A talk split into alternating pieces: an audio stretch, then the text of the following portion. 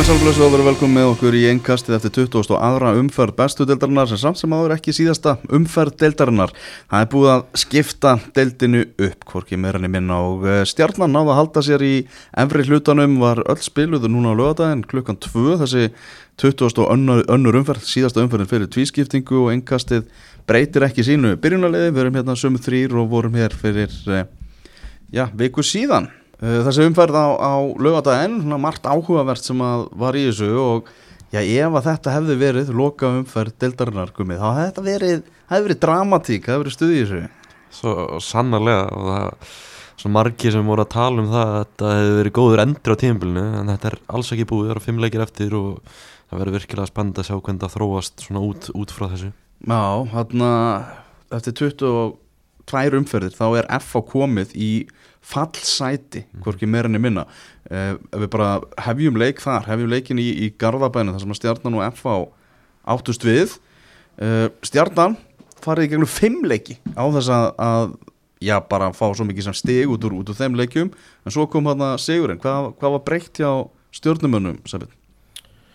Þetta var bara eitthvað með svona léttara yfir þeim eins þeir svona að reynsa þessu út bara.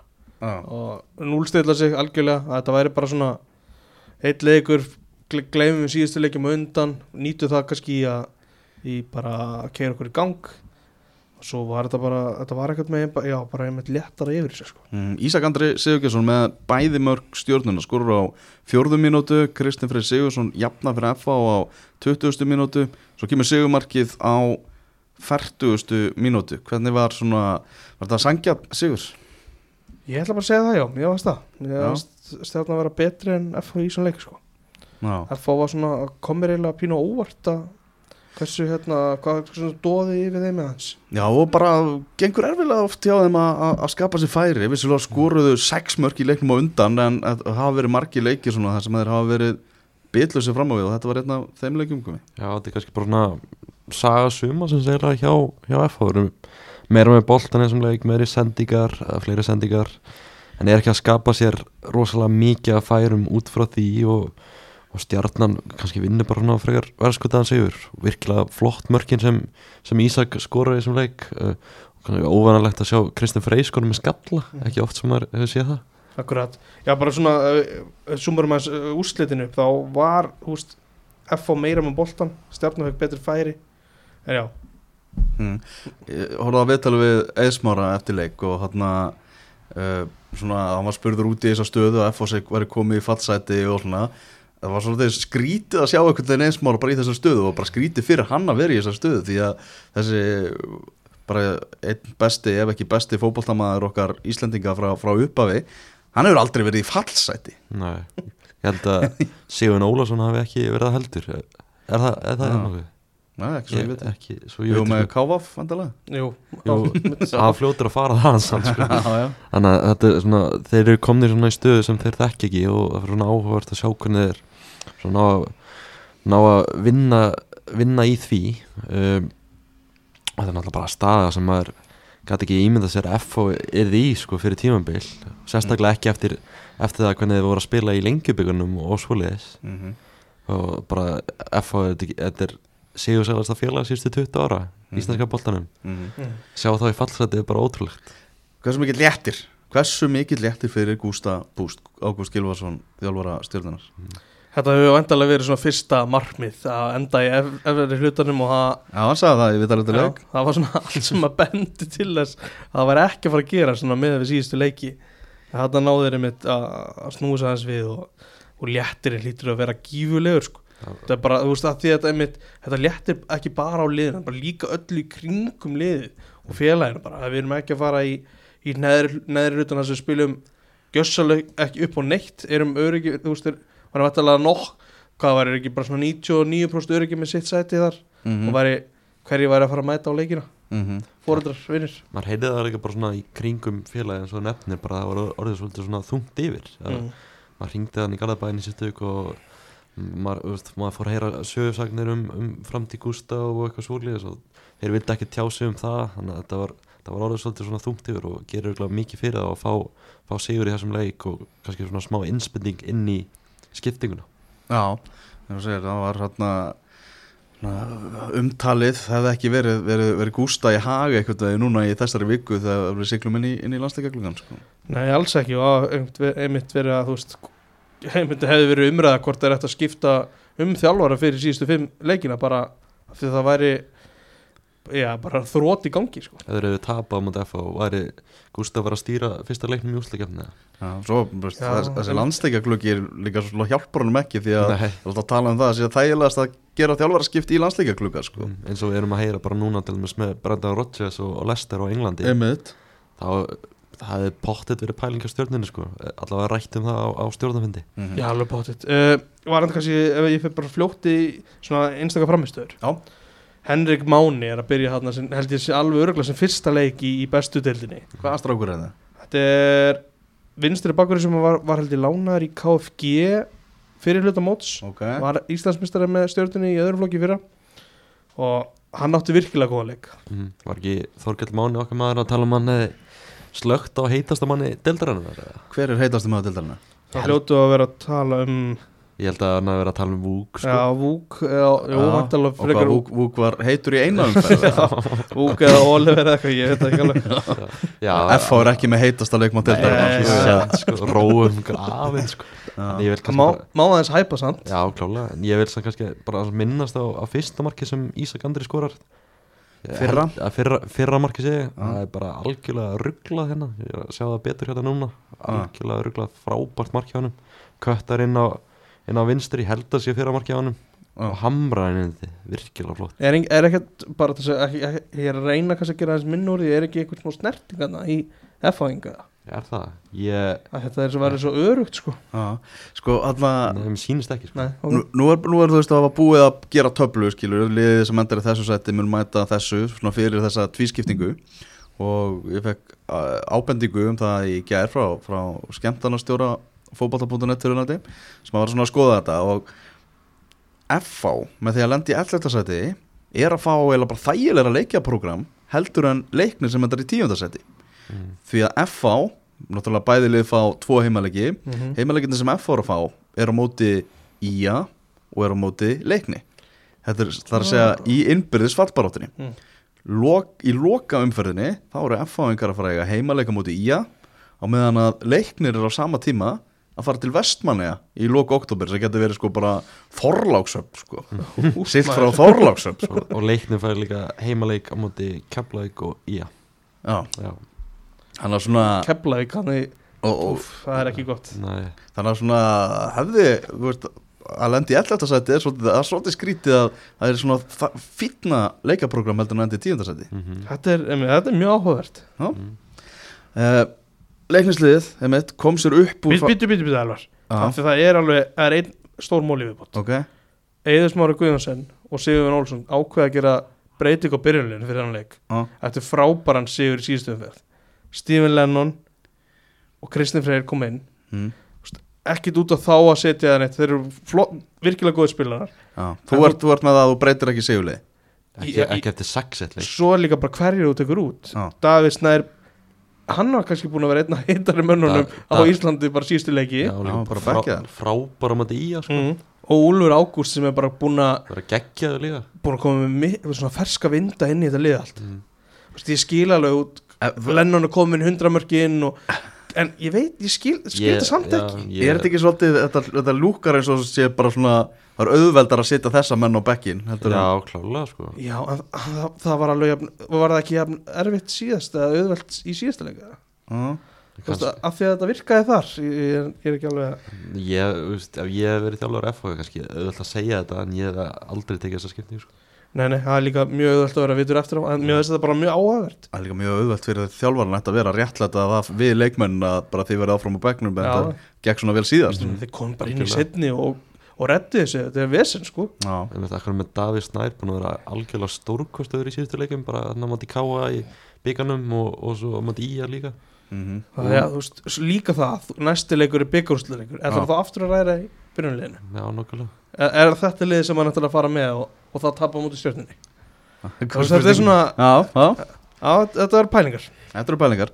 Uh, Já, leiknismenn þeir komið sér upp úr fallseti með þarna 2-1 sigri á móti skagamönnum á Akranessi og uh, í að bara enn límdara við botnin heldur en, heldur en áður eftir þessi úslit og skagamenn skoruðu öll mörkin í leiknum Meithor Aron Völer, hann skoraði á 40. myndi í, á með 1-0 fúrist í háleik svo kemur sjálfsmark, frá Tobias Stakard og svo sjálfsmark á 88. myndi frá Viktor Jónssoni sem ég bara ég er búin að horfa á þetta nokkur sinnum og ég reynilega bara skilit ekki hvað einhvern veginn hversu slögt var á mönnum en það er rosalega auðvelt að horfa svona já, lið sem færa sér svona mörg og segja bara þetta lið, þessu er ekki við bjargandi þetta svona lið fer niður. Það var líka bara tveir varamenn líka sem veist, kom inn á og, og gera sjálfsmörk Já, það er rétt, enn og aftur þurfti í að gera breytingu í fyrirháleik mm -hmm.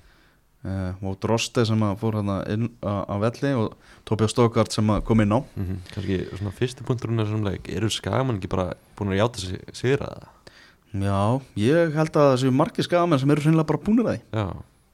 Já, sko. já, margir svona fyrir utan liðið en alltaf enginn í liðinu búin að játa sér sér held ég.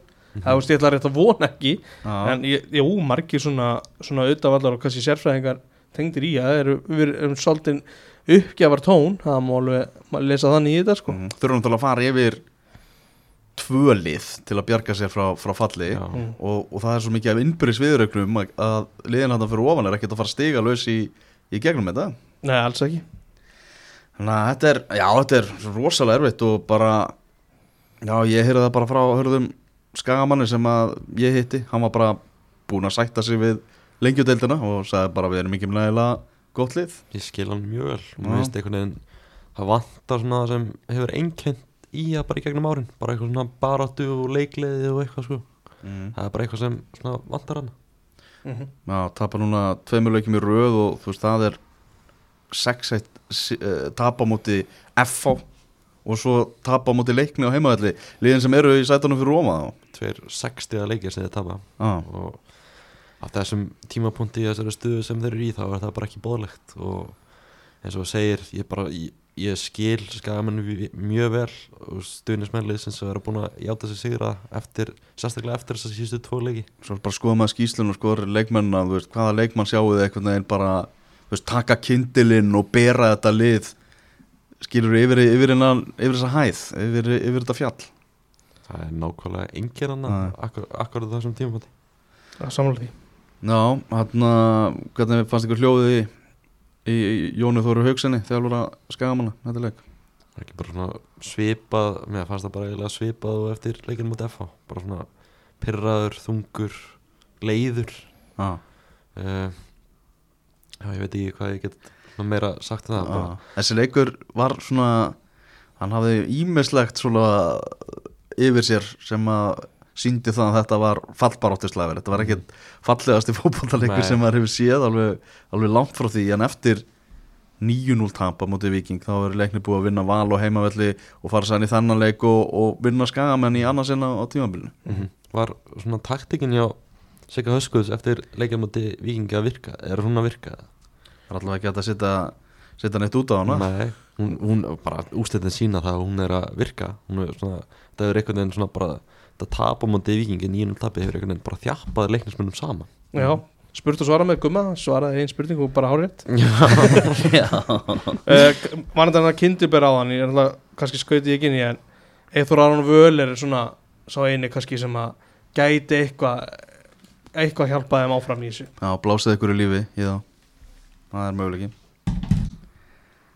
Fyrir þá yfir í, í, í svona framistu Já, leiknis liðsins. Já, Lóan kom inn hjá, hjá Sæbjörni á, hátteginu á, á mánudegi Hanna um, Já, bara þeir klára þetta. Emil Berger var, var flottur á miðjunni ef við svona tínum, tínum einhverja út.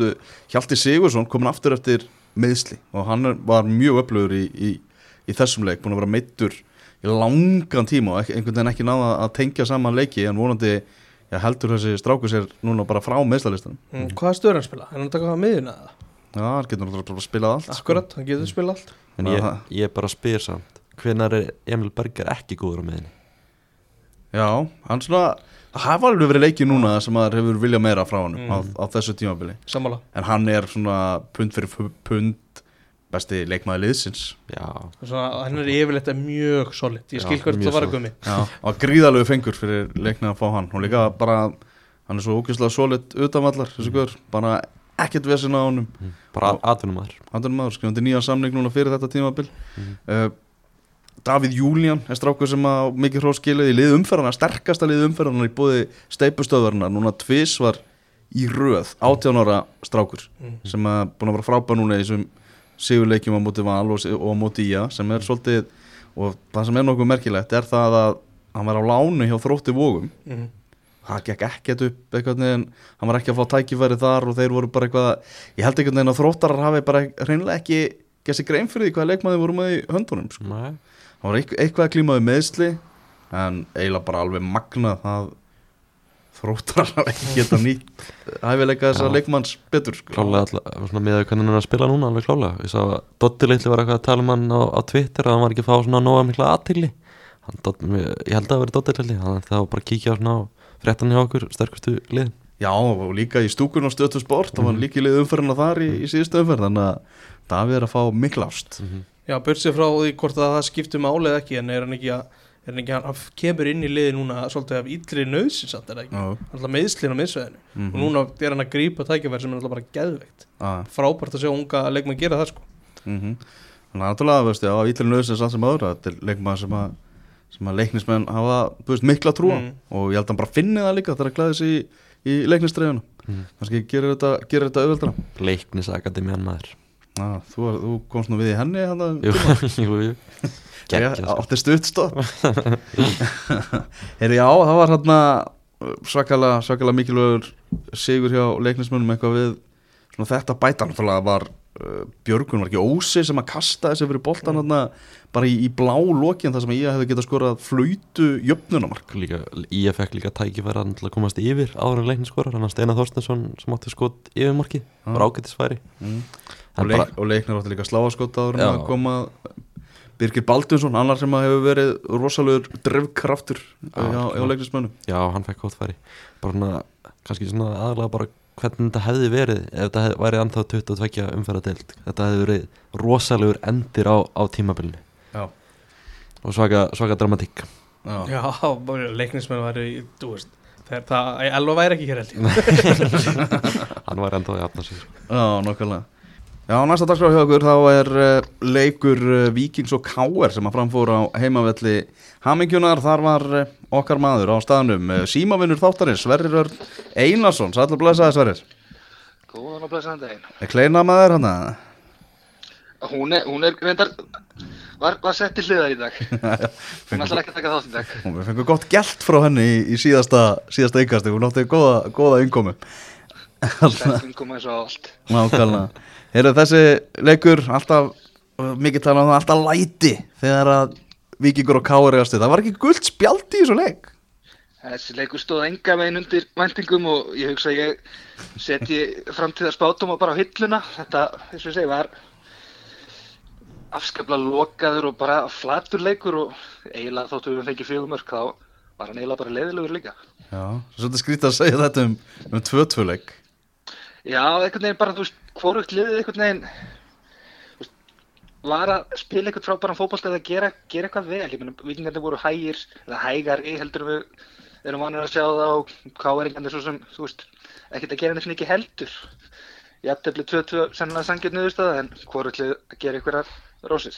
Nei, Ari Sigur Pálsson 1-0, Erlingur Ragnarsson 2-0 á 54. mínúti Þannig að Víkingar þurftu bara nöðsynlega að sigra þennan leik til að svona, halda áfram að, að setja pressuna á blika fá sig sæðan mark á 74. mínútu og ægir Jarl og svo þetta svona sem Arn og Sveit skorar hérna á 90. og annari mínúti þetta er svona ódýrt marka að fá á sig Ég er nögg fjögumörkin má segja sér ódýr bæði markið sem aðri skorar fara vals í gegnum tegin sem hann kemur vingum 1-0 Erlingur Ragnarsson í nýðþröngu færi á nærstunginu sem beitir átti bara að gera betur sama með markið hjá Ejarli vinginir að gera betur en mark í uppbóta tíma svona það koronaði bara dabanleik hjá vingum sem að voru í bastli með varnarlínuna sína í öllum leiknum Já, það var bara þannig var, voru, voru þeir hérna Oliver og, og Kyle ekki á, á, á deginu sínum?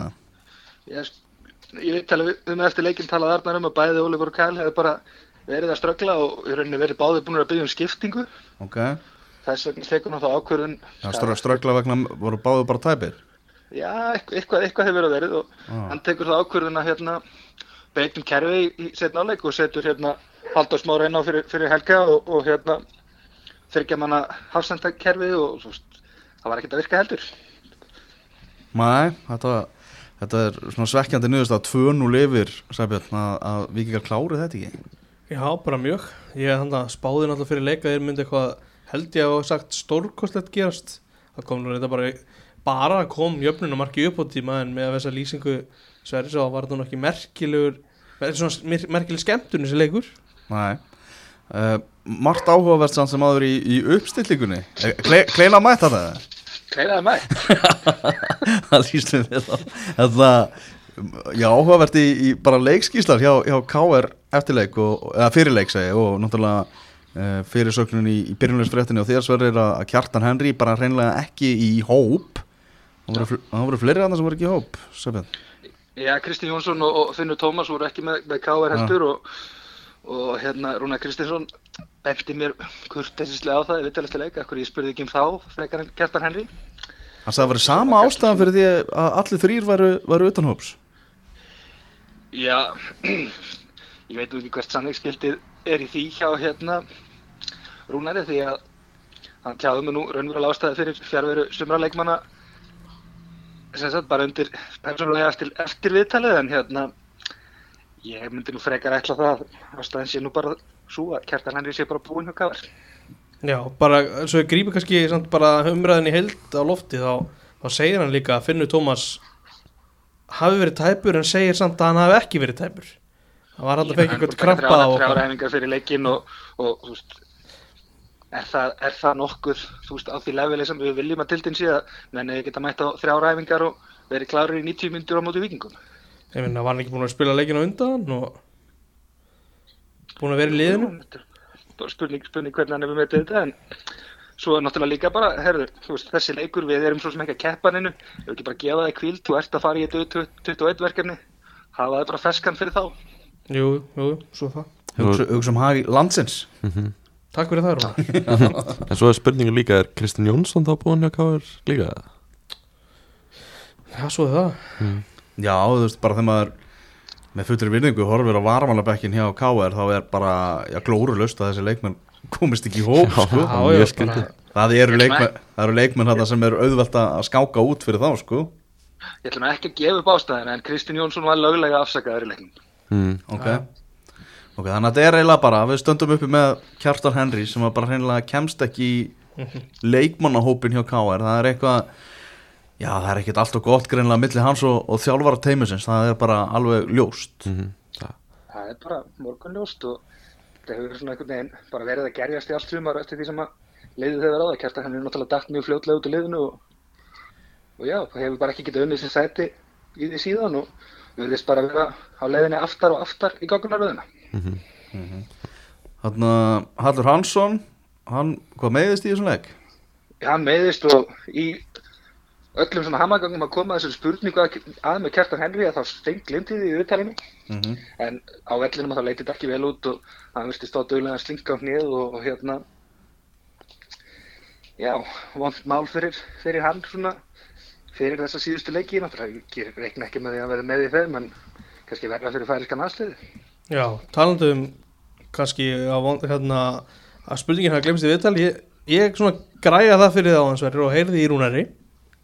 Og hann sagði nú bara að Hallu vonast til þess að þetta væri nú lítið eða svona minna minna en kannski leit út fyrir að vera. Og hann ætlaði að fara áallir, strax eða verið ákveð að hann ætlaði að fara til liðs til, eða, til móts við færiska landslið og læknandi þar myndi bara meta hann. Rúna var ekki búin að heyri í honum síðan síðan í gær allavega. Þannig að það er óljóst ennþá hversu alvarlega þessi meðsli er en eins og segir þetta leit nú ekki vel út Nei, það, gerði það ekki. Þannig að eitthvað um, um vikingarna að lokum, Sverrir? Í rauninni fátum það að segja, fátum það að segja annað en það að þeir hafa já, sagt bless við þá vonum að verja titilina. Svona bara, ef við erum alveg fullkomlega hreinskilis ég breyðablík er ekki að fara að tapa nýju stegum í fimm leikjum þannig að titilin er á hræðrilega í Kópavóin Titillin er á leiðinni í Kópavóin Sverrir Örn Einarsson, takk hjá fyrir þetta. Við byrjum að hilsa kleinu Já, það held ég eh, Sverrir Örn Einarsson hérna á, á, á ferð og, flugi okkar helsti símavinnur í, í þættunum Alltaf gaman að heyra í kleinu líka. Líka alltaf gaman að, gaman að heyra í, í, í, í kleinu. Já, þetta er hérna ef að- yfirgefa þennan leik? Mm, Kannski bara svona aðeins með Kjartan Henry. Það er náttúrulega ótrúlega skrítið að veist, leikmenn eins og með fullri virðingu fyrir Þorstein Mahaldursinni og, og Arne Þórið Albartsinni að Kjartan Henry komist ekki inn í hópin veist, í staðan fyrir þá. Já, Mér finnst það ótrúlega skrítið. Já, það er bara að segja það það er einhverjar aðrar ástæður heldur en beint fótbolltalegar fórsendur heldur mm -hmm. uh, Förum yfir í 3-0 sigur breyðabliks á móti IBVF uh, Sigur sem að gera verkum að blikar eru komnu með Íslandsmeistaratitilin að mati Sverris. Uh, Jasson Daði með tvö mörg maður leiksins, Dagur Dan valinn næst bestur af tóna hann skoraði markaðna uh, annar mark leiksins öll mörkin í, í setni hálfleik. Þetta þarna Já, þetta leit vel út fyrir vikinga í, í hálfleik þannig að það var 0-0 í kopaðunum Mhm. Já, bara blika voru hérna samt með yfirbyrði í fyrir hálfleiknum án þess að skapa sér það mikið. Fengu, fengu að vísu samt alveg tvö fín, fín færi bara tókst ekki að skora. Og svo í, í byrjun setnum var þetta svona nokkuð ljós hvernig þetta var að fara. IBF hitti bara alls ekki á, á daginn sinn.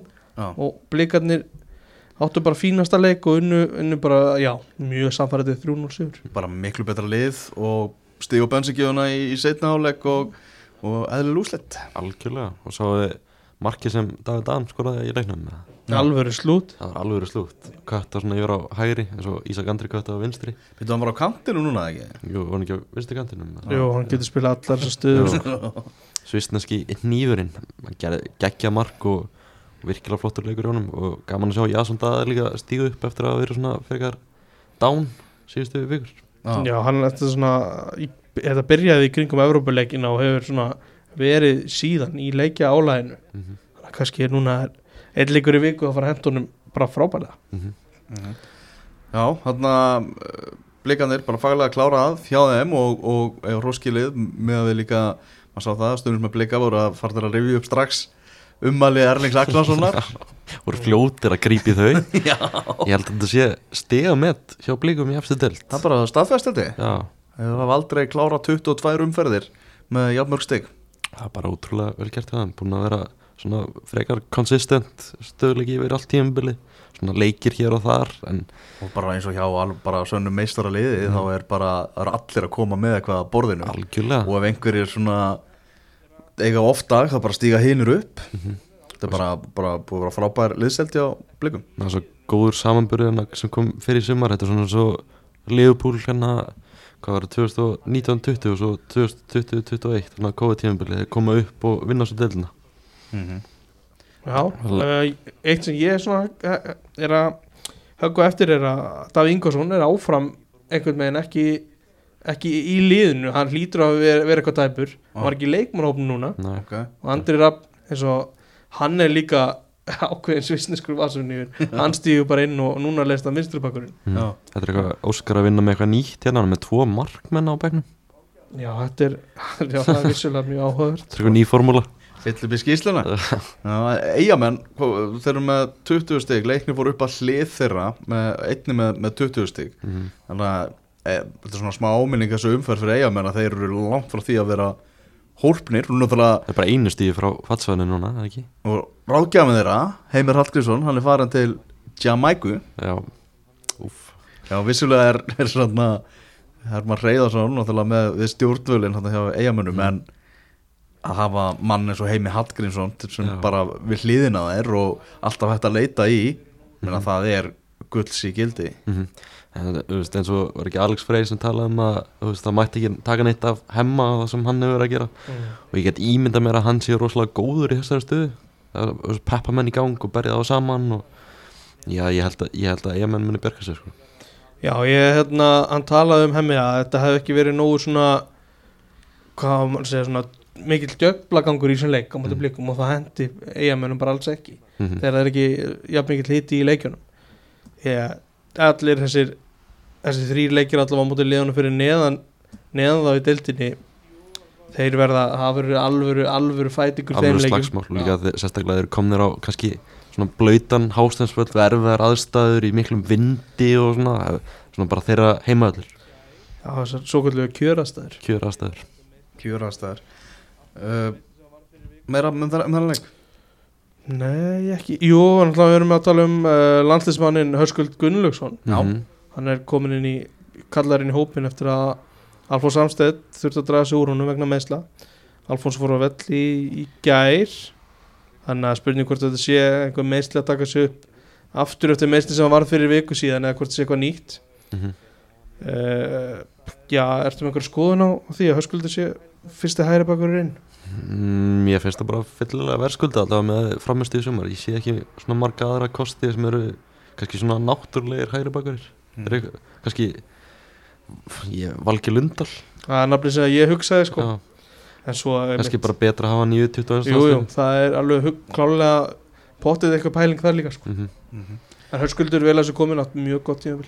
Já Myndum okkur þá á Origo völlin þar sem að Valur tapaði fyrir K.A. 0-1 eh, eitt mark í leiknum sem að Jakob Snær Átnason skoraði á 75. mínútu Patrik Pedersen fekk rautspjald var eitthvað pyrraður og það er eitthvað hann og, hann og Pétur Guðmunds og lauruglu var stjóri það var, voru neistar hann á Já, og Pétur hendi upp spjaldi á, á, á Patrik og bara svona já ímislegt svo, svo sem alveg fínt hjá valsliðinu í þessum leik. mm. þetta var miklu, miklu, miklu skárið framistæða en í síðustu umferð á móti leikni, en það dugði ekki til því að Káa skoraði eina mark leiknins þú varst á vellinum, Sæbjörn. Já, þeir fá byrja leikin á því að fá bara tvö dauðafæri. Mm. Birgir Heimisson fyrst besta, sennilega besta færið þeirra. Svo kemur Birgir Már Sæfarsson næst er að Sigur Egil allir klikkaðir á að skora og káamenn nýta sér það bara þegar hægt og rólega líður leikin þannig að taka þeir yfir og Arna Gretarsson var ekki sér sáttu við framistöðinu fyrir áleikum ég var samt stærsta hlutan í fyrir áleik á að vera betra lið. Ok, Mm. þannig að já, uh, húst ef maður í XG tölurnar í fyrirháleika þá varst valur miklu, miklu ofar sko. Já. svo það sé, þú veist, engin miskilningu þar. Um, já, það var eitthvað vandaði bara, þú veist, það voru, voru mistök í varnarleik. Ekkert sem að kannski var að gefa einhver dauðafæri það var bara það, var vandaði, það voru svona vannstiltir þess mm var það var ekki að tengja á milli og það var samt ekkert að frétta að ég var í setnáleik allavega með við XG og, og svo leiðis Nei, þeir fá hana eitt eina sók þar sem þeir fá þrjár tilhörinu til að skora. Fyrst bjargar Ívar Örn ótrúlega, svo á Aron Jó skot sem er varðið að varnamanni og, og Patrik á skot sem að Fredrik verið Þetta er allt í sömu sókninni. Mhm. Annað gerðu þeir ekki í setnáleik sko. Já, þetta er mjög fyndið að skoða XG en þetta er allt, allt XG hjá Valir í setnáleika er á 57. myndi Já. svo er ekkert eftir Já, það akkurat Það er bara að rýma við akkurat eins og ég man leikinn sko. -hmm. Þetta uh, markið sem að ræður úslitum í þessum leik það var náttúrulega já, svona seremónia í kringum, kringum það mark Já, þar sem að aðstofadómari flaggar rángstöðu en Pétur Guðmundsson dæmir mark og þeir trillast allir hann valsmenn og, og Pétur tekur sér smá tíma ræðir við aðstofadómaran og svo bara bendir hann á, á miðjurríkin niðurst að dómarana há rétt mm -hmm. akkurat Þetta er náttúrulega fyrirgjöf frá Hallgrímur Mar sem að Sebastian Hell skallar svona allir hlýðar og það er Jakob hann er vissulega þá fyrir innan þegar Sebastian snertir hann en, en það er varnamæður að snerta og ah, stað, hann valsari sem Já, snertir á snertinguna ekki, ekki káamæður þannig að hann er réttstæður í þessu, þessu atriði öllu saman. Aðstofadómarin hefur bara séð að kom snerting og hann var fyrir innan og, og dæmt rángstöðu en bara mm, virkilega vel gert hjá Pétri dómara já. að bara spotta þetta og, og leiðrætta þetta. Svona á að gera þetta bara ræða málinn og fara vel yfir þetta. Já, rauninni Pétur sko Það hefur sér dómara sem að bara svona, já, hann flakkaði rángstöð Mhm. og, og ekkert meira um það að segja Sko Pétur hugsa sér svona um í 5 sekundur fyrst og bendir svo miðinu eins og þetta séu marga ræða Svo fer hann að ræða máli við aðstofadómaran og svona gengur úr skugga um að allt sé svona rétt að því hann, hann telur sig að hafa séð eitthvað svo staðfistur hann það við aðstofadómaran sem já þetta getur auðvitað verið og, og svo þetta, er þetta bara alltaf mark og ég veit að skilum að er valsara að vera, veist, hún sér flaggi á loft bara heyrðu, af hverju er þetta ekki ránstæða sko. en, en þetta var ekki ránstæða, þetta var bara rétt niður Já, bara horrið Já. Hvað sagði Óli Jó við þig? Alltaf gaman það sæpjöld og Óli. Jó hittast Það er upp á ég- mig Ég, þetta er bara, ég þarf að ángríns og meira af þessu efni sjálfur. Þetta er, þetta er toppur hverja viku. Hann var bara já, sjálfsög var hann ekki, ekki sátur óskiljanlegt að það er ekki nýtt þessi færi í byrjun leiks. Og þú veist ég veit ekki, hann alltaf svara svo sem ekki svona fyrir kannski of opnu spurningu frá mér um, um hérna um svona st- stöðuna og svona auðvitað, er þetta, þú veist, valsar eru bara þannig þeir ætla, ætla að vinna þessar síðustu fimmleiki en ekki eins og það er að fara að dugi neitt. Nei, ég, þú veist, smá, smá, tilfinninguna að það sé eitthvað svona uppgjöf í, í þessu öllu saman hjá Ölsurum, ég held að Stóli Jó er ekkert búin að gefast upp en leikmenn vita alveg það, þú veist, það er ekkert það er ekkert að fara að gerast hver allir sé svona þegar þú ert að tala við Óli og hver allir sé svona meðal tíminn á hans svörum? Eh, þau sko tíminn fyrir alltaf að að vera stittir sögur en eftir sem líður á. Og ég kannski, þú veist, ég, ég skilði alveg einhver leiti, þú veist, þú veist, hvað líka viltu fara með út, sko? Mm hvað viltu segja um atrið sem eru mjög viðkvæm kannski? Þú veist, þú vilt ekki reyðla öllu bara. Já, nokkulega þannig að þú veist, sumt er líka mjög skiljanlegt að er bara innan innan leikmannhópsins, Mhm. á ekki að fara út. Mm Mhm. eins og eins og það hérna fjölmjölamæður og þáttastjóndandi Ríkar Óskar Gunnarsson, mér finnst bara mjög skrítið að leikmaður segi honum þetta. -hmm. að hann sé, þú veist, gaggrinn undir Já, bara grafa alvarleg já, mér finnst það bara mjög skrítið. Mhm. þú veist, ef þetta er rétt með hann undirbúning þá er, það náttúrulega mjög allavega- undirbúningur. Það var allavega engin neita því að, að, undir, að þetta undirbúningurinn hafi verið já, eða ekki undirbúningurinn hafi verið með þessum hætti sko. Óli vildi ekkert tala um þetta eftir leik. Nei, nei, og þú veist. Og haugur Páll ekki heldur. Hatt hann að fara kannski að segja um hvernig æfingavíkan var og svona fara yfir þetta? Óli Jó eftir tableg er ekki að fara að gera það sko. Byrja að tala um góða golfferð þannig í byr- byrjun síðustu viku. Já, Já, góðu mórarsku, bara gó- golfferð geta alveg verið verra. Já.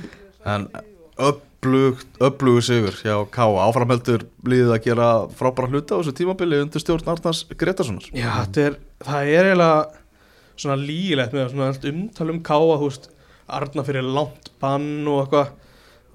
Að þeir, þeir, eru bara í topp málum þannig já, eru bara í öðru, öðru til þriða sæti og, og svona létt yfir þessu vissulega komast ekki í byggarúrslutin en það er samt einhvern veginn eins og að sé allt pínu í hers höndum mm. og ef vikingar klára byggarúslinu þá er þetta bara Evropasæti og, og Já, já, frábært tímabil. Og líktar við svo þú veist Arnar Gretarsson sé að reyna að koma sér í val og, og með hjálp vinna sinna og já. og þarna og, og satt sem áður, það bara rúlar þetta bara afskaplega vel, það vantar náttúrulega ekki þjálfarna á bekkir reyndar hjá, hjá Káamennum alvöru sko er- Ben er þarna og Ígor Kostits og svo náttúrulega Hatti líka Mm. Kongurinn Steina Eðs, ekki Já, nákvæmlega aldrei glemanum en ef- ef Káa fyrir í Evropakefni uh, langar Arnar ekki að vera hluta af því ja?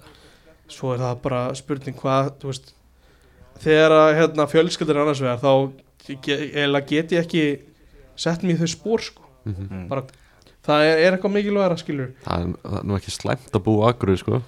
það það er mjög gaman þú þarfst ekki að segja mér það sko. mm.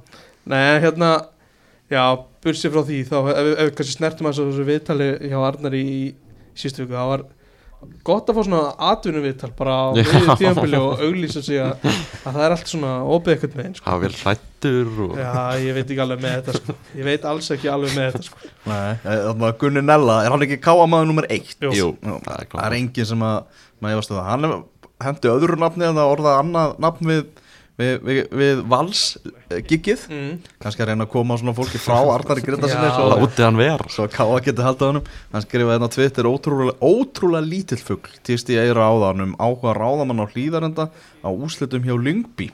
Lyngby gengur mjög illa og Freyr á Origo var ekki óvænt var ekki óvænt týsti þessi fugl og svo bara flögan er skrifaði Þetta er, er pæling. Vir, Vissulega, þetta er svona aðeins út fyrir bóksi eitthvað veginn. Ég sé þetta ekki gera sko. Nei, nei, ég sé Ekki þetta ekki séns. heldur gerast En Freyr án starfs og vill kannski Vill ekki vera lengi án starf kannski.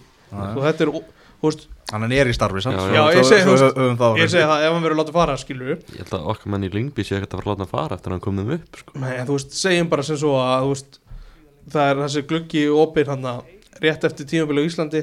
Að akkurat þá er hann látið fara fyrir HM Mhm. þú veist, svona furðulega hlutir hafa, hafa gerst sko. Er hann ekki bara búin að skapa sig það stórt nafn í Danmarku að hann sé alltaf að fara að fá annað starf þar já, það er spurning hvað það er búin að trúða sér inn á markaðin Já, Mhm. spurning líka með þólumann hvað þú vilt býða lengi sko. Já, nokkulega sáum hei, þólmennu heimi, hún skilaði sér. Já. En hann er þjálfarinn Yngbi já, já, já, já, það er engin vaðum það hann er í starfi núna ég er að segja, En bíddu. ef hann væri ekki í starfi. Býtu, er, er samt Heimir Hallgrímsson ekki að vera að taka við valið eða? Var það ekki sagan? Það var það, oftar en einu, svona oftar en tvisvar. Hann getur gert það 2027 Það var hann pott í að dryggjara samning sko. Eftir HM akkurat. Eftir HM með, með, með Jamaica Já, það er, það er stuð í þessum Þannig að, hvað ertu með eitthvað fleiri púnta frá hlýðaranda? um, Nei, svo sem svo sem ekki, þú veist þetta uh, ég veit ekki, veit ekki alveg með Patrik í þessu leik var, þetta var eiginlega frá fyr- þú veist, mjög snemmi leiknum byrja hann að vera mjög byrjaður Já. og mælirinn fylltist þarna þegar hann klárlega, bara maður sér það í endursýningu brýtur af sér og trillist út af því Þetta var umræða hjá okkur í atna, fyrra Þá fannst maður hann maður hann vera, vera pyrraður Það ekki eftir leika á leiknisvellum hann að hann ekki Jú. brjálaði þá eitthvað tíma Já, og var bara pyrraður yfir allt tímabilið eitthvað þegar Mér mm. bara sá Patrik vera mættur aftur sko. það er, það er pyrringur Það er er pyrringur og líka eins og þú nefnir að hver er gulrótin? Gulrótin er ekki lengur til staðar einhvern veginn, það er ekki hægt fyrir valsmenn að bjarga þessu tímabili. Nei og þú veist það er bara eitt ljóspunktur þarna einhvern veginn í, í sumar sem er Fredrik Skram og hann var áfram bara mjög flottur Já, ekki þetta verið honum að kvarta Kannski eitt punktur í viðbútt Arnórs Márásson, ónöldaði varamaður. Herðu já. Já þegar þú ert að leita að marki uh, það eru það eru 11 á móti 11 það er kortir eftir og þú setur heiðar ægi svona inn á, kantinn. Þú með Arnórs Márusson og, og alla hans reynslu og það sem er búin að sína bara í sumar Mhm. vissulega kannski frekar snemma á tíðanbili sem hann var að sína þetta þá er það er ekki ástæðan er ekki bara eitthvað að, ég, að hann er með sjö varamenn og notaði eitt skilur eins og hann segir í svarinu það er eitthvað hann meira sko. Já, ég minna hann veit það líka að með því að setja Arnór inn á þá hefði hann verið að kveða eitthvað kjaftasögur í, í niður. Já já, en hann var ekki að pæli því. Nei, nei, þetta var já, bara mjög skrýðið hann hafi ekki komið inn á hann strax eftir í 1-0 eða bara hvenær sem það er er bara eftir þess rosalega áhugavert. Bara mjög furðulegt. Já, Náttúrulega reyð stórt líka valur að fara að missa á Evrókefni annað tímabli í röð. Já. Það er, menn á hlýðarandur bara brjálæri með þetta rándýra lið með alla þessa landsliðsmenn sko. Mhm. akkurat að, eins og þú segir Elvar þá er þetta- þetta, þetta ítir rauninu undir kæftasögurnar Mhm. og í besta falli er þetta stór furðulegt að hann kom ekki inn á Já. Förum þá í handbóltaleikin á í Úlfarsárdal þar sem að fram og keflaði gáttust við fjögur átta enduðu leikar eðlilega fjögur mörg í fótballtaleik en voru samt alveg sko átti ekki sjans og voru bara langt frá því að eiga möguleika á hann á stí. Já, og svo fyndi að horfa á þess að Redson útsendingu á stöðu sport. Þetta var eiginlega bara útsending frá fram keflaðing sko. Það var bara ótrúlegt að horfa á þetta. Mér fannst það eiginlega að finnast þegar það var að sína highlightin setnum kvöldið á- í stúkunni. Þegar það voru að sína færi þegar það var ekki mark hvernig ætlaði að koma til fyrir Já. og skoður ykkur 20 atrið eða eitthvað? Er, er þetta svona markaðasti leikur í sögu efstöldar í Íslandi? Er þið með þá Ég tölfræði? held að stærsti sigurinn hafi verið 13-1 þarna fyrir einhverjum 90 árum Já, síðan það eru, það eru fleiri mörg Já, 13 1 Það er 14 mörgum í Þetta, Ah. þetta er alltaf Þetta var þetta, 12 þetta er, já, takk fyrir það. Þetta er alltaf einhver rugglaðasti fótballleikur sem ég hef bara nokkuð tíma sé Já, þetta var ansi allir sem flóðgáttir og opnuðist algjörlega. Já, ég talaði við mann sem var á vellinum í, í gær eða á lögadaginn, talaði við hann í gær. Þarna mikill framari hann sagði bara, hann átti ekki orð þarna þegar voru komna fjóra sóknir í leiknum og fjögur mörg mm þú veist, bara eins og, eins og handbóltaleikur Joey Gibbs kemur keflaði ekki yfir svo kemur hann fram að snúi þessu við skorar 2-1, svo kemur 2-2 og þeir skipta sér hann á að skora hann að liðin áður en að svona, já uh, keflaði kemst í 6-3 og framminga munin í 4-6 þá kemur sér hann 7-4 og svo 8-4 Adamæður Pálsson sem á, á bara loka orðið í þessum fáránlega fótballtaleg það var alveg vita mála að, að það mátti alveg búast til því að kemur mörg í þessum leik og að kemur fjör. Bæði lið þurft á sigri að halda þurft að treysta á það að stjarnan myndi tapa mútið FH og þá myndi sigur þessum leik færa þeim sæti í efri hlutanum. Þannig að þjálfararnir lögðu kannski full mikla áherslu á að sækja, sækja til sigs maður. en við hvörtum ekki við því. Þetta er bara svo fæðum með framliðinu. Þetta eru alltaf svona leikir hérna sko. Alltaf einhver ekki alveg svona ekki, ekki alltaf 8-4 leikir En þetta er alltaf markaleikir, alltaf skemmtilegi leikir Já. Þetta er ekki Var þetta fyrsti leikurinn sem þið tappa í Úlfarsdalum? annar leikur Annar leikur. Líka Já, já, já, það er rétt Já. Það er bara ótrúlegur fótballleikur eins og ég segi bara sjá stiga skortöfluna eftir hann bara, maður hefur ekki séð svona áður Og, og Gummi Magg með eitt mark mm. Já. Það hefði búist meira fyrir honum í svona leik en virkilega flott mark hjá hann samt. Já, virkilega gott mark. Ekki jafn gott samt og á mútið í eigamönum Þetta var svona, þetta var svona meira harðfylgi. En talandum um flott mark Adam Átni mm. Alvöru mark. Sá slútaði sko. Já. Virkilega vel tekið. Og það er líka svolítið fyndið, þú veist, að í tólmarka leik þá sé enginn sem að náði þrennunni, sko. mhm, Nei, það er mjög átilsett og einn með tvö er það ekki bara? Mhm. Það sé bara Kían Viljans með tvö. Adam Ægir Pálsson maður leiksins með þrjá stóðstendingar og eitt mark Já, hann hefur bara eins og við rættum í suma bara átt virkilega gott tíðanbeil mm og bara blómstrar í, í keflaug og alveg spurning svona hvernig hans mál þróast finnst mér, mér finnst mjög aðtilsvöld hvernig það verður hvort að, að því að þú veist, vikingar eru ekki kannski ekki að flæðiskil stattir þegar það kemur að kantmöðunum og svona sóknamönnum -hmm. þannig að það verður aðtilsvöld hvernig hans svona mál þróast Ekki best fyrir hann bara að vera áfram í keflaug og þróa sinn leik þar eða? Já, það er- ég ætla ekki að ákvæða hvað er best fyrir Adam Ægir Pálsson sko. það er bara, Ég geti alveg svona að sé það hann getur verið hlutverki í öllum liðum held ég mm. Mm. Ekki klálega ekki svona einn stórt hlutverk eins og þú nefnir með, Mm. með vikingum samt. Akkurat, það er ja, algjörlega. Mm. En hann er sterkasti leikmaður umferðarnar, leikmaður umferðarnar, hann var opinbyrðað á fótbolta.net í gærliðið og, og sterkasti le- leikmaðurinn og það er Adam Ægir sem, að- sem að tekur það vel eh, við hæfi, að þessi sóknarmaður úr liðið sem skor áttamörk sem, að- sem er, sem er valinn, þetta er það, hvað er alveg sagt að segja um svona leik, þetta er bara gjössanlega fáránlegt, þú veist, þetta er ekki fótbolta úslit sko. Nei, Þetta er bara eins og sagður á hann, þetta er bara eins og handbólti Það er bara þannig. Uh, erfiður dagur fyrir báða markmann, sérstaklega Óla Ísson já, sem hefur kannski átt svona frekar erfitt uppdráttar svona miklu leiti í sumar. Mm mm, hann er átt kablað sem hann hefur verið bara bara lélugur, bara Mhm. reynd út. Mhm. eins og kaplega sem hann gaf vítaspunni fimmleiki í röðu eða eitthvað Það er það er skrítið að segja það skilu, við viljum alltaf sjá mörk í fótballtaleik og eitthvað þannig en maður vill ekki sjá marga svona leiki sko. mm. nei, nei, þetta er svona þetta er svolítið galið Þetta sko er alltaf mikið já, þetta er líka bara, þú veist við, ma- maður verður að sjá eitthvað varnaleik líka sko. Mm. Þetta er gott sem hana, okkar maður Stefán Marteit segir í skýslunni í vondur, vondur dagur Ólaður Ísson Ólafsson þurft að sækja boltan átta sinnum á markinu sem getur ekki talist spes. Nei, það er ekki, það er ekki, það er ekki spes. Það er ekki spes. Um, eitt aðri í þessu kannski. Um, Alex Verið Eilsson skorur á 13. myndu kissir frammerkið. Já, í Dóttar fútból í gær og fjallaði um tilbúð frá breyðabliki í Alex. Um, ég fengi það staðfest að það var tilbúð ok, því var hafnað bara um leið en það um grín tilbúð að ræða grín tilbúið Já, en hérna, blikar hafa greinlega áhuga á Alex en, en hann allavega, hann veit á tilbúðinu og kistið merkið þannig að kannski er það eitthvað merkið um að hann sé ekkert að fara neitt. Komum Nei. við tilbúið bara núna? Á dögunum bara. Vikinga voru náttúrulega að sækjast eftir honum mm hann hættu við. Já, það er spurning hvort að hann sé eitthvað aðeins á, á betri, betri stað með hausinu á sér en Alex. Já, það var með ástæðan að að haustum var ekki nægilega vel skrúðar á hjá honum var að mati vikinga sem að þeir hættu við og tóku uppeyju í, í, í því málu öllu saman. Akkurat.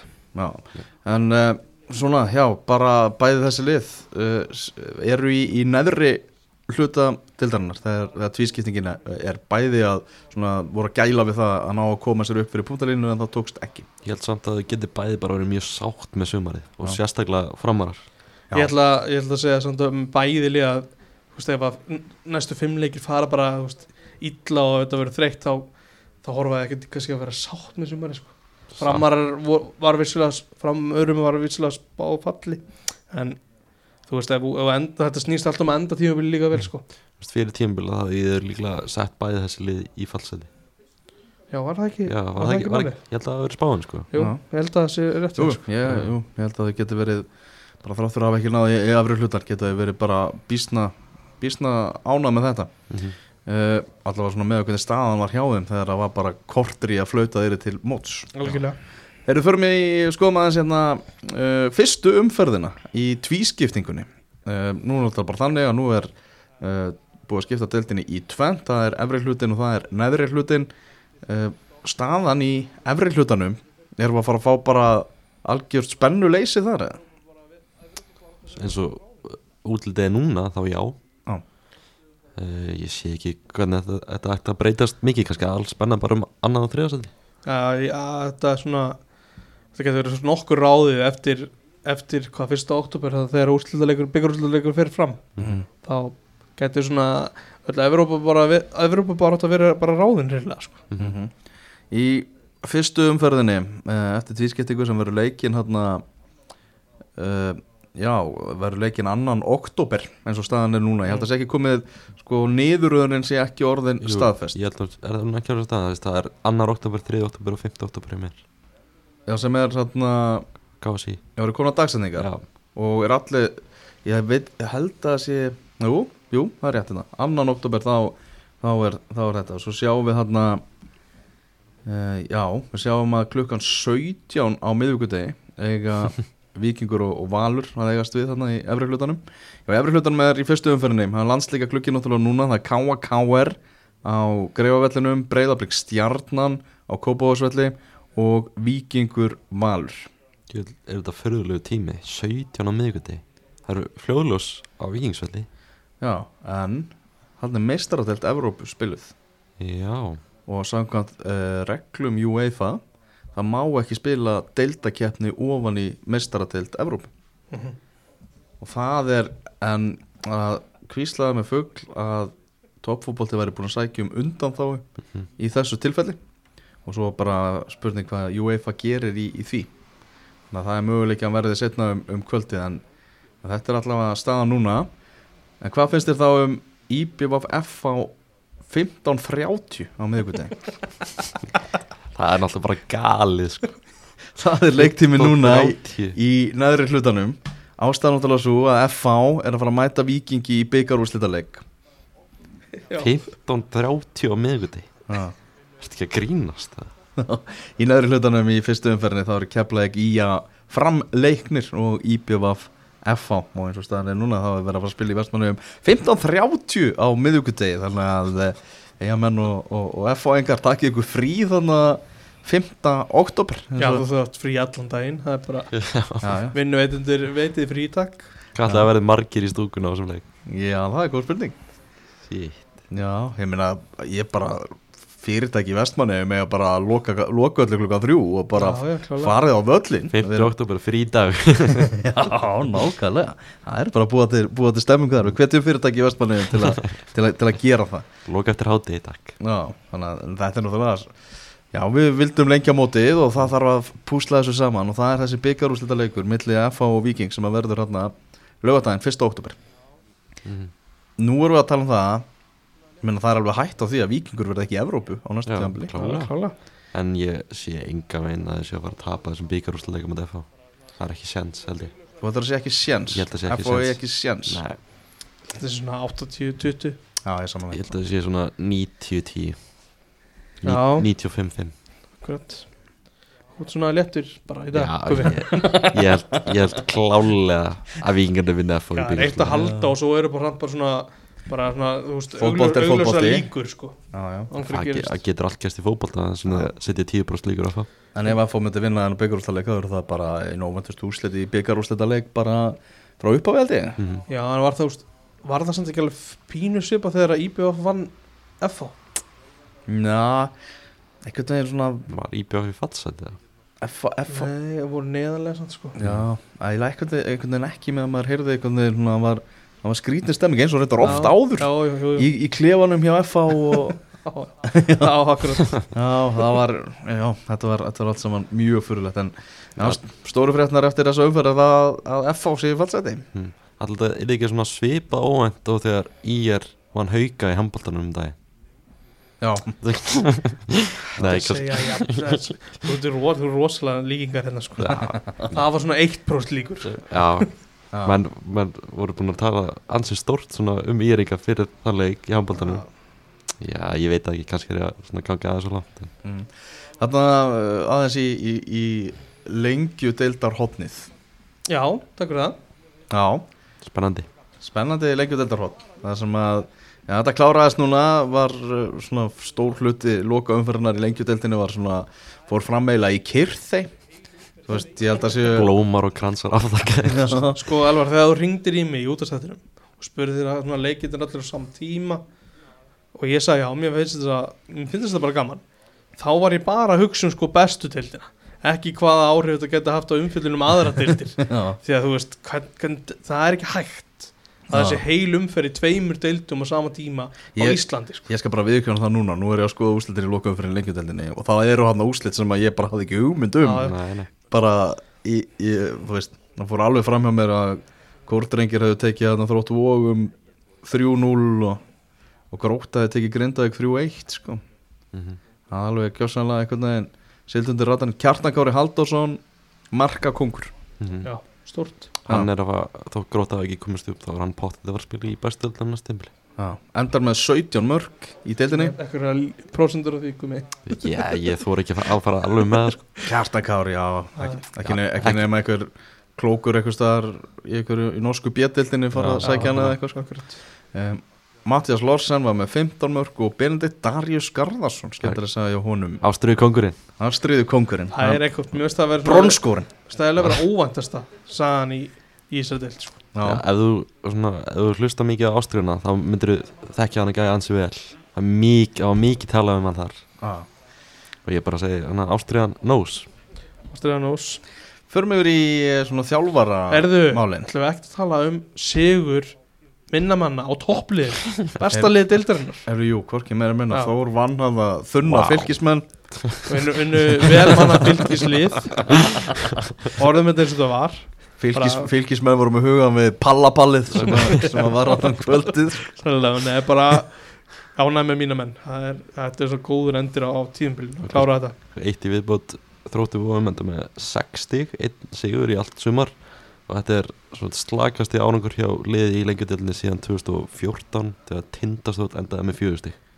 Já, vá, það tímabili á tindastóli maður og þar áður var Völsungur með 2 stig 2013 En eftirminnilega, þessi eini sigurleikur þróttar vógum á móti hverjum var, var hann? Var ekki, það var Grindavík. Það var Grindavík, hvernig er ekki Grindavík 2-0 þetta Það var rosa, rosalega úslit Þannig að, já, hverjum káfa fór þrótt vógum úr lengjudeldinni fylgir og háká fara upp í bestu deldina Eh, Þjálfara fréttir úr deldinni Gunnar Heiðar Þorvaldsson hættir með vestra eftir eitt ár er að vinna í vinslustöðun í vestmannum og einhvern veginn það er ansi erfitt að vera með annan fótinn á Ísafyrði og hinn fótinn í vestmannum það okkarlega vegalegin tatt á milli. Þetta er ekki beint flug, það er ekki beint flug er allavega sjaldan í viku. Sjaldan. enn og aftur sami komin í þjálfarlega Sammi farin á stúana að finna nýja mann. Já, hver er þetta að vera þér aðeins? Alexander Linda. Já, það væri gaman, það var Alexander Linda það er til í það sko. Nú var ég að hugsa sko, þú veist, nú er spurning með Alfred Elias, það er að vera að skoða einhvern veginn hans stöðu Mm. og stjórnafundur í Grindavík. Mhm. hann var nú með B í Bólungavík á jú, tíma, já, þar segja það- vestra. Góð pæling sko. Geti hann farið bara aftur vestur, aftur, í, aftur til sama. Allir Sammi sig ekki samt að horfa fyrir stórt í svona eitthvað nafn. Jú, röglega Óli Jó kannski. Ætla sér ekki búin að heyra í heimi núna bara strax og eitthvað. heimi Guðjóns þar sé. Bó, Bó Henriksen Óli Jó, ég hefði staðar að Óli Jó væri svona til í að næsta starfans væri eitthvað svona ævintir í neðri dildunum sko. Já, ég, þetta geti alveg verið pæling sko. Óli Jó vestur. Geti, var ekki, var ekki eitthvað saga um að í er hefðlum sem þetta heyri í honum? Jú, jú. Já. Gauði, þetta verður eitthvað svona Gauði Þórðarsaga á nýjanleik Óli Jó, mm. vest, Já. fyrir vestan. Það geti verið. Hann, hann fíla sig líka út á landi og svona, þetta verður skemmtilegt. Já uh, Dín Martin gerði nýja samling við Selfo sem kom svona mörgum óvart. Var eitthvað sög, sög um það að eru þjálfaraskipti samlingur hans að að renna út en menn hafa trölla trú á, á Dín Martin á, á Selfosi Já, þetta var áhugað tímbil hjá Selfossi. Voru þannig að topnum eftir hvað sexum fyrir og endur svo í níunda seti alvöru hrun. Ég ætla ekki að skella þessu beint á hérna þennan byggarleika mútið vikingi en liðsvalið þar. Almáttuðu minn. Ég sko, ég fór á þennan leik Selfos og, og Víkings og fór með þess að sko á, á, í grillveislu á Selfosi fyrir leik og svona, þá var gleðin heldur betur við völd sko. Svo einhvern veginn svona fjarað hún út í þessum leik mm. og mætti eða aldrei aftur á, yfir, yfir sumarið sko. Kom aldrei Fylgdu hann ekki alveg aftur en þeir eru líka búin að endur semja við, við Gonza og, og Gary Martin og ég ætla bara að run it back næstu tímabili mm Já. Þarna uh, spurning með þjálfara gróttu. Mm. Brazil Chris Barcel Chris Brasel Þarna ég, ég heyrði sögum það að hann hefði áhuga á því að, að fara starra. Mm. og svona þú veist, gróttu projektið er kannski ekki endilega þeir eru ekkert einhvern veginn að, að blása allt í herlúðra til að spila í efstu deild eða eitthvað þannig og, og, en hann sé með metnaðin herra og, og, og vilji selja sig eitthvað annað? Mm. það er spurning hvort að, hvort að hann muni fá tækifæri hjá okkur, okkur klúpi sem að hefur háleitari markmið. Á Íslandi þá, bestu ekki. Það, það kemur mér á óvart persónulega, ekki, þú veist, ekki út af hans þjálfara fyrir að að- hann enda með gróttu í þriðja seti já, já, sem er mjög impressiv en Já. það, mér finnst alveg vera stór stim svona svartur blettur þetta, þetta atvök í kórnum, sko. Mhm. Það gerir það, það er ekki að hjálpa honum í, í þjálfarleitinni þegar hann beigði eftir Ella Eiríks hann fyrir utan. Mhm. hann hefði að vera breytingar hjá, hjá gróttu og svo segir Kjartan Kári öllum líkindum hann verður ekki með gróttu í næsta sumar. það er, það er, það er Mjög langsótt, hann að gróttu að fara að missa bara burðar ás Reyn pælingsamt ef Grindavík sig við Alfred Elias þeir eru búin að gefa það út að þeir eru að horfa í efstu deild á Mm. næstu tímabili. Já. getur við séð Barcel fara ég geti séð það já, minnst það góð bæling Chris bara selja grindaðik já, ég geti alveg séð það. Ef, hann, ef hann er að stefna upp í efstu deild þá er og ef, að- já, ef grindu ekki alltaf skipt um þjálfara þá menna það verður bara skrítið ef hann var ekki á blaði hér en hitlið sem vorum nefna á hann vestri. Vestri. Já, klálega líka sko. Það er klálega pæling. Mhm. en svo ef Elvar, þú ert að benda á að hann vilji veist, horfa í eitthvað svona starra leið sem er að stefna upp sem grótaði kannski ekki endilega að gera sem er meira svona uppbyggingarfasi. Þá er vestri og alveg klálega pælingar fyrir hann þú veist, mann er alltaf líður þannig að gróta sé svona lið sem að meðan þeir eru á örugum stað í lengjudeldinni Mhm. þú veist, þá séu þeir bara einhvern veginn sáttir Mhm. þeir eru bara að byggja upp og, og veist, þetta er skemmtilegt svona projekt Já, sem gangið hana mm -hmm. en já, ég vil alls ekki að koma fram að mér finnst það ekki verið merkilega ólengur að þriðja seti gróti það er bara. Já, það er það. Bara virkilega að það verður nú alveg nýju stig upp í, í Mhm. annarsæti þannig að það er ekki eitthvað, eitthvað nála því að fara upp. Mm en þessi lengjudeild hún má vera aðeins meira spennandi á næstu. Takk. Já, nú kemur náttúrulega nýtt fyrirkomulega á næsta ári þar sem að bara, bara, bara efstaliðið kemst upp Hmm. og spennandi á fimmtasætið. Já, svo fimmtasæti getur farið sér síðan í, í útsláttakefnina sko. Menn tala samt um að það sem svona, sé, svona gefins að það veri spenna þá veist, það getur alveg verið langt bíl á með 5. og 7. sætis. Já, já, en það verður spennandi allavega í ú- já, algjörlega. Eitt með kjartakvara í viðbót hann er alltaf með samning út næstinýbil þannig að félag sem vill fá hann þarf að kaupa hann fólkgróti já, það er það er alveg að kaupa menn á Íslandi. Mm, Svo veit maður aldrei með þessar klásúlur hvernig þær eru í þessum samningum sko. það er ofta einhverjar faldar klásúlur. Já, uh, Hvað, landsleikagluggi hvað er ber hæst í landsleikaglugganum? Það er náttúrulega Já, Jamaica fara að spila á móti Argentínu. Ég er spenntast yfir því. Heru, ég sá heimi var búin að kalla, kalla inn einhvern nýjan kall. Andri Blake, margmann nei, annan. Nýjan? já, ég veit ekki alveg hvað það er sko. Það var búin að kalla inn annan nafn Það kom með annar kall Já. í, í Jamaica það var aðeins minna nafn en bleik þannig að það var fólk kannski ekki beintin á Nei. þetta nafn sko. Nei, ég, það, landsleikur á, á fimmtudaginn Venezuela já, um, Ég er bara ekkert spennt fyrir því nei, en gummi, þú veist þú kannski sjálfur hefur ekki fengið tækifærið þess að, Mm. þess að tjáði um hennar landslýsóp sem var tilkynntur á, á föstudaginn hefur eitthvað skoðun á þessu, hvað merkilegt mm, Mér bara fannst Arnar gera eins Ég lág hann gata á sem fréttamannfundi Sérstaklega með Albert sko uh, Bara Hann alltaf sagði bara reynd út Já. sannleikan Hann var ekkert eitthvað að reyna að tala undir, tala undir rós sko. Og ég er bara svona Eftir fréttamannfundin Það bara svona Já, ég skilir þetta alveg mm. Taka hann aðeins út úr hófnum Og það kemur þá kannski bara inn, inn setna sko. Já, Heldur að koma inn senna Já. Með ég, hann Arnari þjálfari hann, sagði það allavega. Hann gæti komið inn setna að- Heldur að gerist? Með Arnari þjálfari ég að tala um. Já, ég get alveg séð að gerast. Mm. Mm. já. mm bjart sín Ég er bjart Já. sitt maður að eðlisfari. En, en það snýst náttúrulega um Það verður á lögataskvöldi Þá er, þá er þessi leikur Ísraels og Albaníu Mm. Sem er ráða því hvort að við eigum möguleika því að Tryggja okkur Í aðildina Með uh, þessum leiki á móti Albaníu Sem verður annan þriðjudag mm. í Tirana. Það- þannig er það hjá alansliðinu 21. landsliði það er að fara uh, var í þetta tjekkaverkefni fyrirleikurinn á, á föstu daginn Já. Það er ekki orðið uppselt á, á leikin Nei, það er ekki margi miðar í bóði Það er ekki eitthvað 1100 miðar eða? Hlýtur að vera uppselt. Já, já, hlýtur að vera. 100% Já, Mæta og þetta er- tix.is Akkurat. Mér varst að, eða ég hlustaði eins á útastáttin bara í gær, upptöku á honum og varst að góðu punktur á, á Tómasi að að velja Krista Mána þar inn bara upp á mó, mórarska hlið líka sko Mhm. Mhm. Skemmtilegur Já, ég var hann að, ég leik mér þess að setja upp svona mögulega landsinsópa fyrir verkefnið og þá var ég með Hákun Arnar inn í utjöðaðinu bara einfallega út af þessar spurningum með Kristall, hvort það verið klár inn í það hlutverk Mhm. að vera eða inn á vellinum en að utanvallar skilja þetta mjög vel að Kristall sé það og spennandi hvort hann geti spilað. Arnar sagði náttúrulega líka að menn gæti dottið niður í U21 ef hann að Ísra Albalína fer á vestavega fyrir okkur í alhansliðinu Akkurat, en mér finnst góð punktur að því að þið, þið töluðum að þetta væri þá vantala allir þessu ungu leikmenn fætið 2017 væri þá vantala fyrst á blað, veist, fyrstu 14 nöfn á blaði hjá Arnari. Mm. en svo er alveg spurning, veist hva, hverjir eru hverjir, eða, þú veist, eru þeir allir byrjunlismenn eða þú veist, í kringum byrjunlið Mhm. þú veist, eða Þóri Jóhann ennþá byrjunlismæður í annarslið Nei, Það er spurning. Ekki, að, Tom var ekki með hann í liðinu sinu á móti. Albaníu. Það fór að vel- vel- velta, velta því fyrir mér og þú veist, Mikael Eil er visslega að spila í efstu deild á Ítalju hann er samt ekki verið svona maður sem er að koma fyrstumönnum inn á.